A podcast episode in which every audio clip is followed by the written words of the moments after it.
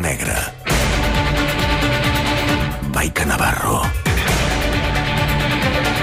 Maria del Carme Navarro, bon dia i bona hora. Estic que castigada al pupitre. Saps els, a, a, a classe quan uh, els alumnes uh, que es porten malament els posen a l'última fila apartats de tothom? Doncs ara mateix tinc Maica Navarro a l'estudi de Catalunya Ràdio.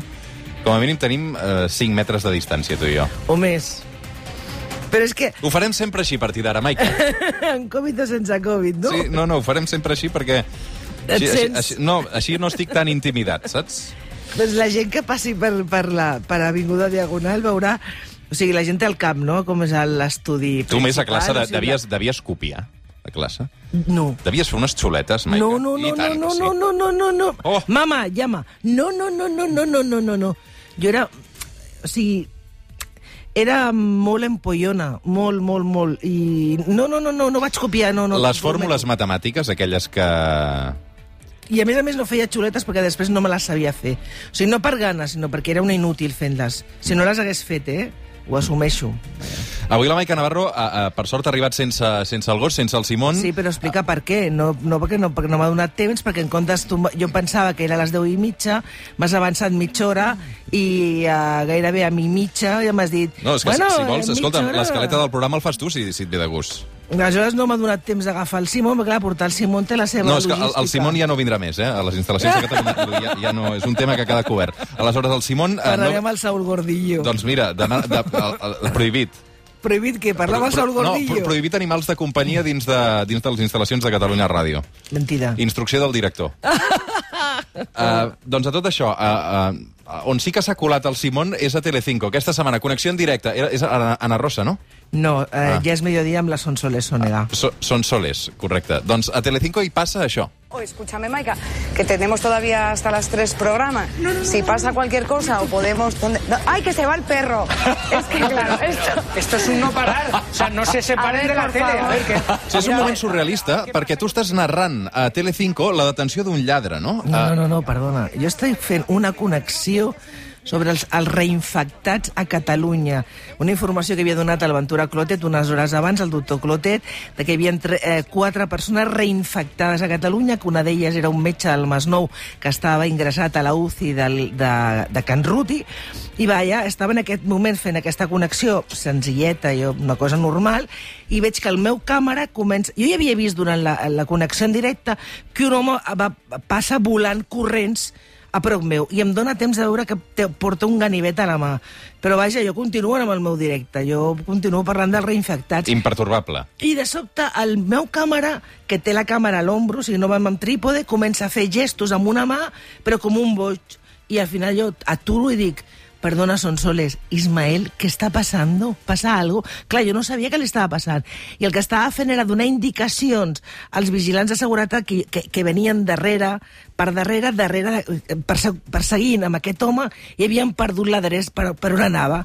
I, bueno, aleshores fem eh, continua amb la explicant allò de que és una persecució, en aquell moment arriba un cotxe de la Guàrdia Urbana, a l'home havia estat retingut per uns veïns, els vigilants del tramvàs també estaven per allà, l'havien aturat, l'havien detingut, la Guàrdia Urbana té, i ja, ja passo a fer el directe d'una detenció en directe, un escorcoll, i clar, en aquell moment jo m'havia baixat a la, de la vorera a la, a la calçada i continuàvem el directe. Jo ja m'havia oblidat del Simón, ho reconec, i clar, com que jo m'havia mogut, doncs ell també es va moure, quan ja estava donant per finalitzada la connexió i estava en plano, de sobte veig, miro cap a la dreta i veig que el Simón se'n va al mig de la carretera que ve un cotxe que no anava molt ràpid i clar, passo del directe, me'n vaig darrere del Simón i el meu càmera continua amb la imatge i sortim els dos, doncs jo agafant en volandes el Simón, un cotxe aturant-se, ja et dic que no anava molt ràpid, i en fi... Molt desastre. professional, molt professional, Maica. Perdona,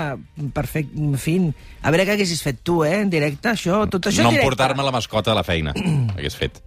Però no és una qüestió de portar-me la mascota, estic fent una connexió en directe a prop de casa. El, és una barrera... Passa que sí, que no, no, no, no està bé. Però ell no es belluga del meu costat. Però clar, com que mm, vaig baixar, em vaig bellugar massa pel tema de la detenció, doncs ell va pensar, doncs mira, Àngels Castilla, meo de la carretera. Bé, això és l'Hora Negra amb la Maica Navarro. Avui eh, parlem d'un cas que sembla que s'ha resolt, de fet, aquesta setmana. És la desaparició de Manuela Chavero, que és una dona que va desaparèixer el 2016, oi, Maica? Sí, el 5 de juliol del 2016 estem parlant del... un dimarts, al vespre, la Manuela Chavero, 42 anys, separada, amb dos criatures petites, que aquella setmana estaven amb el pare a Sevilla, um, havia fet, iniciat una nova... Una, vivia sola uh, en un xalet de, un xalet de, a, allà a Monasterio, que és una població de Badajoz d'uns 5.000 habitants, de sobte desapareix, o sigui, però desapareix d'una manera mm, molt, pertur molt pertorbadora, perquè no havia signes de violència, no s'havien dut absolutament res, uh, s'havia deixat la televisió encesa... Tenia les eh, criatures, tot, no? tot, Sí, les criatures estaven amb el pare aquell dia, aquella, aquella setmana, estaven a Sevilla amb, amb, amb el pare. Mm, La, la llum d'una tauleta encesa, totes les seves coses a, a sobre de la taula, el telèfon, les claus de casa... Semblava que anava fins i tot... Tot feia pensar, per, pel que van trobar, que ja devia anar amb, amb, amb, pijama directament, o amb allò que es posés per anar a l'estiu per, per casa. O sigui, una, ni cartera, res, res, res, però la porta no estava fussa. És a dir, hi havia alguna... Ella havia obert a una determinada hora de la nit, havia obert la porta a algú de confiança i s'havia esfumat. Ostres, i, i així comença la, la història de, de Manuela Chavero. Avui la història de Manuela Chavero. Sabem on havia estat el dia abans, uh, Maica? Perquè suposo que a partir d'aquí uh, la policia comença a investigar. Bueno, um, la policia, el cas l'agafa la, la, Guàrdia, la Guàrdia Civil i és veritat que ella havia... Bueno, després de... s'havia separat i havia um, estat amb una amb una, amb una amiga que de fet és l'última que, que va poder explicar a la Guàrdia Civil que en tot cas la desaparició de cap de les maneres podia ser voluntària. A més a més, ella havia iniciat una relació personal, sentimental, amb un jove de, del poble. Érem l'últim que s'havia enviat missatges amb, amb el telèfon i, i, per tant, mm, res feia sospitar que, que ella um, insisteixo, marxés voluntàriament. Això ho havia fet la nit abans, però també durant aquell dia havia mantingut converses amb, amb altra gent, amb aquest nano, amb el que tenia, aquest xaval que tenia aquesta relació, i amb una de les seves millors amigues, també, que l'havia anat a veure cap a les 5 de la tarda. I ja et dic, tot era a la seva vida normal, i bueno, aquí comença el, el cas de la seva desaparició. Mm -hmm. Per on continua aquesta, aquesta investigació de, de la Guàrdia Civil? Uh, un cop es descarta aquesta desaparició voluntària, um, perquè entenc que comença aquesta investigació frenètica per trobar algun rastre de- d'aquesta dona, eh? Sí, ja et dic que mm, Monasterio és una població petita, 4.000, 5.000 habitants, eh, i, i, i, i tothom es coneix, tothom es coneix i tothom coneixia a la, a la Manuela, la Manoli li deien, és una tia molt, molt d'un caràcter molt obert i per tant tothom la coneixia al, al poble i, i era, doncs, evidentment, estimada. El que fan és començar, doncs, batudes per, per, per la zona a, a buscar-la. Sigui, recluten eh, centenars de voluntaris que durant, amb molta intensitat els primers dies comencen a buscar-la eh, en el sentit de que potser per alguna raó hagués pogut marxar de casa eh, i s'hagués perdut, cosa que és veritat que la seva germana, la Emília, que és un personatge clau en aquests quatre anys perquè el cas mai baixés la intensitat mediàtica i la Guàrdia Civil sempre estigués a sobre, eh, ella veia molt complicat que, que, que la Manoli hagués- s'hagués perdut amb, un, amb uns escenaris d'allà de, de la DS, de Badajoz, tan, tan familiars per ella. En qualsevol cas es van mirar camps, pous, rius, el pantà de Tentúdia i, i res, no... res.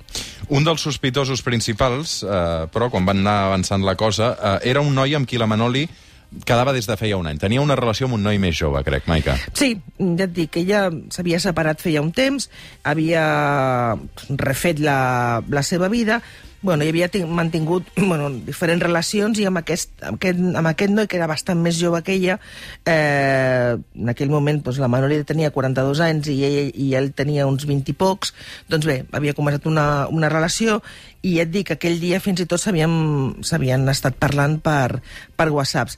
Clar, la Guàrdia Civil el que va començar a fer és bueno, buscar en el, en el seu entorn més, més immediat, i aquest entorn més, més immediat era primer, en primer lloc l'exmarit, i l'exmarit va poder confirmar que aquella nit havia estat eh, i no s'havia mogut del costat dels seus fills a Sevilla, i després, doncs, l'altra persona doncs, era aquest, aquest noi amb el que havia s'havia escrit.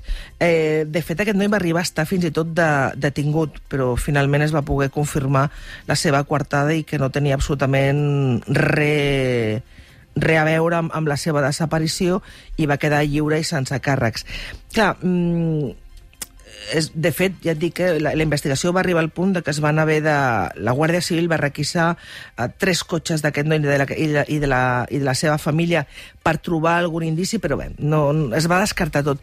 Era una investigació absolutament complicada perquè era un escenari en el que no es va trobar absolutament res la Manuela Chavero desapareix a, mm, bueno, la, gairebé al, al mateix temps que la, que la Diana Kerr. Una setmana de diferència, només. Sí, i, i de fet la, la Emília Chavero, i és veritat que en el moment de la Diana Kerr totes les mitjans de comunicació ens vam centrar molt amb la desaparició de la Diana i, i la Emília Chavero, la germana de la Manoli, va, sempre va, es va mostrar molt dolguda molt queixosa de per què amb la, amb, la se, amb, amb la seva germana no hi havia la mateixa atenció. Ella creia fermament en la fórmula que diu, que alguns consideren que és real, que és eh, molt soroll mediàtic, més mitjans dels investigadors. En qualsevol cas, hi ha una cosa que ella sí que té raó, i és que eh, eh, amb, amb la Manuela Chavero eh, la UCO primer va ser una, una investigació que va portar a terme la policia judicial de, de Badajoz, de la Guàrdia Civil, i després es va afegir la UCO. Això també va passar amb Diana Kerr. Primer va ser una, una investigació, els, les primeres eh, diligències la va fer la comandància de, de Corunya, després es va afegir la UCO. La UCO és aquesta unitat central operativa de guàrdies civils especialitzats en, en homicidis, un grup de persones, homicidis, desapareguts, segrestos, i que està centralitzada i que té la base a, a Madrid i que compta amb una unitat de suport molt més especialitzada en material tècnic. Doncs bé, la UCO es comença a fer càrrec i fa molts viatges a Monasterio i el que veuen és un carrer, un carrer que fa, que fa baixada, la casa de la Manoli fa precisament la cantonada, i no hi ha absolutament res re, re, re, ni un indici, ni una pista que els hi faci doncs, pensar en, en, què ha pogut, en què ha pogut passar. Però és evident que ella voluntàriament no ha marxat. Aleshores, la investigació és molt complexa per l'ausència de, de cap indici a l'escenari i perquè la llista de sospitosos podia ser molt gran. I la pista de sospitosos hi ha un moment que comença a ser dels 4.000 habitants de, de Monasterio. Per què? Perquè totes aquelles persones que havien entrat i que es va saber per, per telefonia i per càmeres que havien pogut entrar o sortir de Monasterio en aquell, aquell nits abans i després eh, tenien coartada i van ser investigades. Aleshores, la investigació ha durat aquests quatre anys, doncs van començar a fer, a tancar, bueno, a mirar gairebé un per un els perfils sospitosos de la gent de Monasterio. I és veritat que l'home que va ser detingut, el jove que va ser detingut el dijous al vespre eh, allà a la mateixa població, formava part d'aquest radi de sospitós per una qüestió lògica, per proximitat amb la víctima, eh, principalment. O sigui, al final, dijous al vespre, mm, a les 9, en un picadero de la localitat, la Guàrdia Civil deté a Eugenio Delgado, 28 anys, tenia 24 en el moment de la desaparició de la, de la Manoli i vivia a la seva casa, estava en aquest mateix carrer i separava les dues cases unes altres dos veïnes, és a dos cases de l'immoble de, de la víctima. Maica Navarro, nou gira aquesta setmana sobre aquesta qüestió que ens expliques perquè hi ha hagut una detenció i s'ha trobat el cadàver. I no és precisament aquest jove. Sí, sí, sí, no, no, sí, sí, sí, sí, sí. Sí, uh, sí ara tu t'ho confonies amb, amb el primer. No, no, no, sí, sí, el detingut, el, el gir de la investigació és, és aquest dijous, es fa la detenció de l'Emilio Delgado, i fixa't, aquest jove que durant quatre anys s'havia mantingut en silenci, que havia presenciat amb una sang freda brutal com eh, la, la, la germana, el germà de la, de la Manoli demanaven i gairebé pregarà, pregaven per, per, per saber on estava el cos de la, de la seva germana. Un jove que ha hagut de passar a diari per davant de la casa de la víctima, que aquest estiu es va creuar moltes vegades amb els fills de la, de la Manoli perquè van passar l'estiu a la casa de la mare a Monasterio amb el seu pare. Doncs havia mantingut aquesta sang freda i finalment el dijous la UCO s'acosta al picadero de Monasterio on ell treballava i el deté. I des del moment de la detenció, el jove, que ara té 28 anys, s'enfonsa i Confessa. demana que s'enfonsa, confessa i explica que va estar ell, que va ser un accident que es va espantar i que va decidir desfer-se del cadàver. I explica fins i tot que ell vol col·laborar i que vol... Perquè per la, per la UCO era molt important no només detenir, i això va ser clau, per exemple, les investigacions com Diana Kerr, Gabriel Cruz, recordareu, és la mateixa unitat i els mateixos homes i dones en què han fet aquestes investigacions, no només detenir el sospitós, que ja tenien des de feia gairebé un parell de mesos molt clar que només podia ser, que en aquests, mm, aquesta eliminació de, de, de sospitosos en, el, en el cercle només quedava el, el, el, el Delgado. De fet, ell va ser un dels primers en ser interrogats per la Guàrdia Civil, va explicar, eh, li vam dir, bueno, què feies tu aquella nit? I va explicar que va estar amb uns amics a la platja, i és veritat, va estar a la platja, però amb el temps es va saber que ell arriba a la platja després del crim, molt més tard del que va confessar en un primer moment. Què vol dir un accident? Què va passar? Per què la va matar? Ell, eh, en, entenc que ell ho, ho haurà explicat, eh, ja ha declarat a la Guàrdia Civil, el que ha transcendit, perquè hi ha secret d'actuacions, és que té una... Ell va a casa de la, de la, de la Manuela aquell, aquella nit i que té una discussió amb ella, que ella cau, que es fa un, dona un cop al cap, que l'amor és instantània i que s'espanta molt i que decideix desfer-se del cadàver. I, I es agafa el cotxe, el seu Opel Vectra, i la porta 3 quilòmetres de la casa amb una finca i l'enterra un... fa un forat a terra i la deixa allà el cadàver, que ha estat a 4 anys, a 5 quilòmetres de casa de la Manuela, sota eucaliptes eh, i amb un, sota, sota, sota eucaliptes. Bueno, és, una, és un coto privat de casa, molt de, de vegetació de la, de la DS. I sí, sí, ahir a les 4 de la tarda acompanyava els investigadors que anaven amb el servei de, citologia, de sinologia de, de la Guàrdia Civil, que són aquests gossos ensinistrats per, a, per detectar restes cadavèrics, i a les 4 hores de, de, de, de, bueno, de d'excavar van trobar les primeres restes de, de, la, de la Manolara. S'haurà de, com, de confirmar que pertanyen a la víctima, però vaja, és, és, mm, és, només, pot ser, només pot ser ella. Ha sigut una investigació, insisteixo, molt i molt i molt complicada i, i, i una, una, un cas molt estrany. Ahir la, la Manoli, la, la Emília, la germana, explicava que per ella, per a la família, sempre va ser un dels principals sospitosos i que fins i tot l'Emília, un mes després del crim, se'n va anar cap a l'Eugenio i li va preguntar ¿Tienes algo que ver en la desaparición de mi hermana? Diu, i ell, i ell no em va aguantar la mirada. Però vaja, s'havia de demostrar. Avui el cas de Manuela Chavero, que s'ha resolt finalment, eh, sembla, aquesta setmana amb la Maica Navarro. Maica, de seguida, després d'aquesta publicitat, Noemí Casquet, la coneixes? Noemí Casquet. Mira, és allà fora, s'està esperant. Bueno, no, veig. no, no la conec. Llegeixes literatura eròtica, tu? No. Pero, vaya, si tengo que leer, me lo, me lo, me lo leo. Veig més cine porno, si et serveix de consol. Tu llegeixes literatura eròtica? És que ni em mira el tio. tu llegeixes literatura eròtica? Per documentar-me per les entrevistes, sí. Només per documentar-te. Tu només veus... Val Valèria és l'única cosa eròtica que, que entra en la teva filmologia. Sis minuts per arribar a dos quarts d'onze del matí. Filmologia no existeix, no? Fem una pausa i Noemí Casquet al suplement.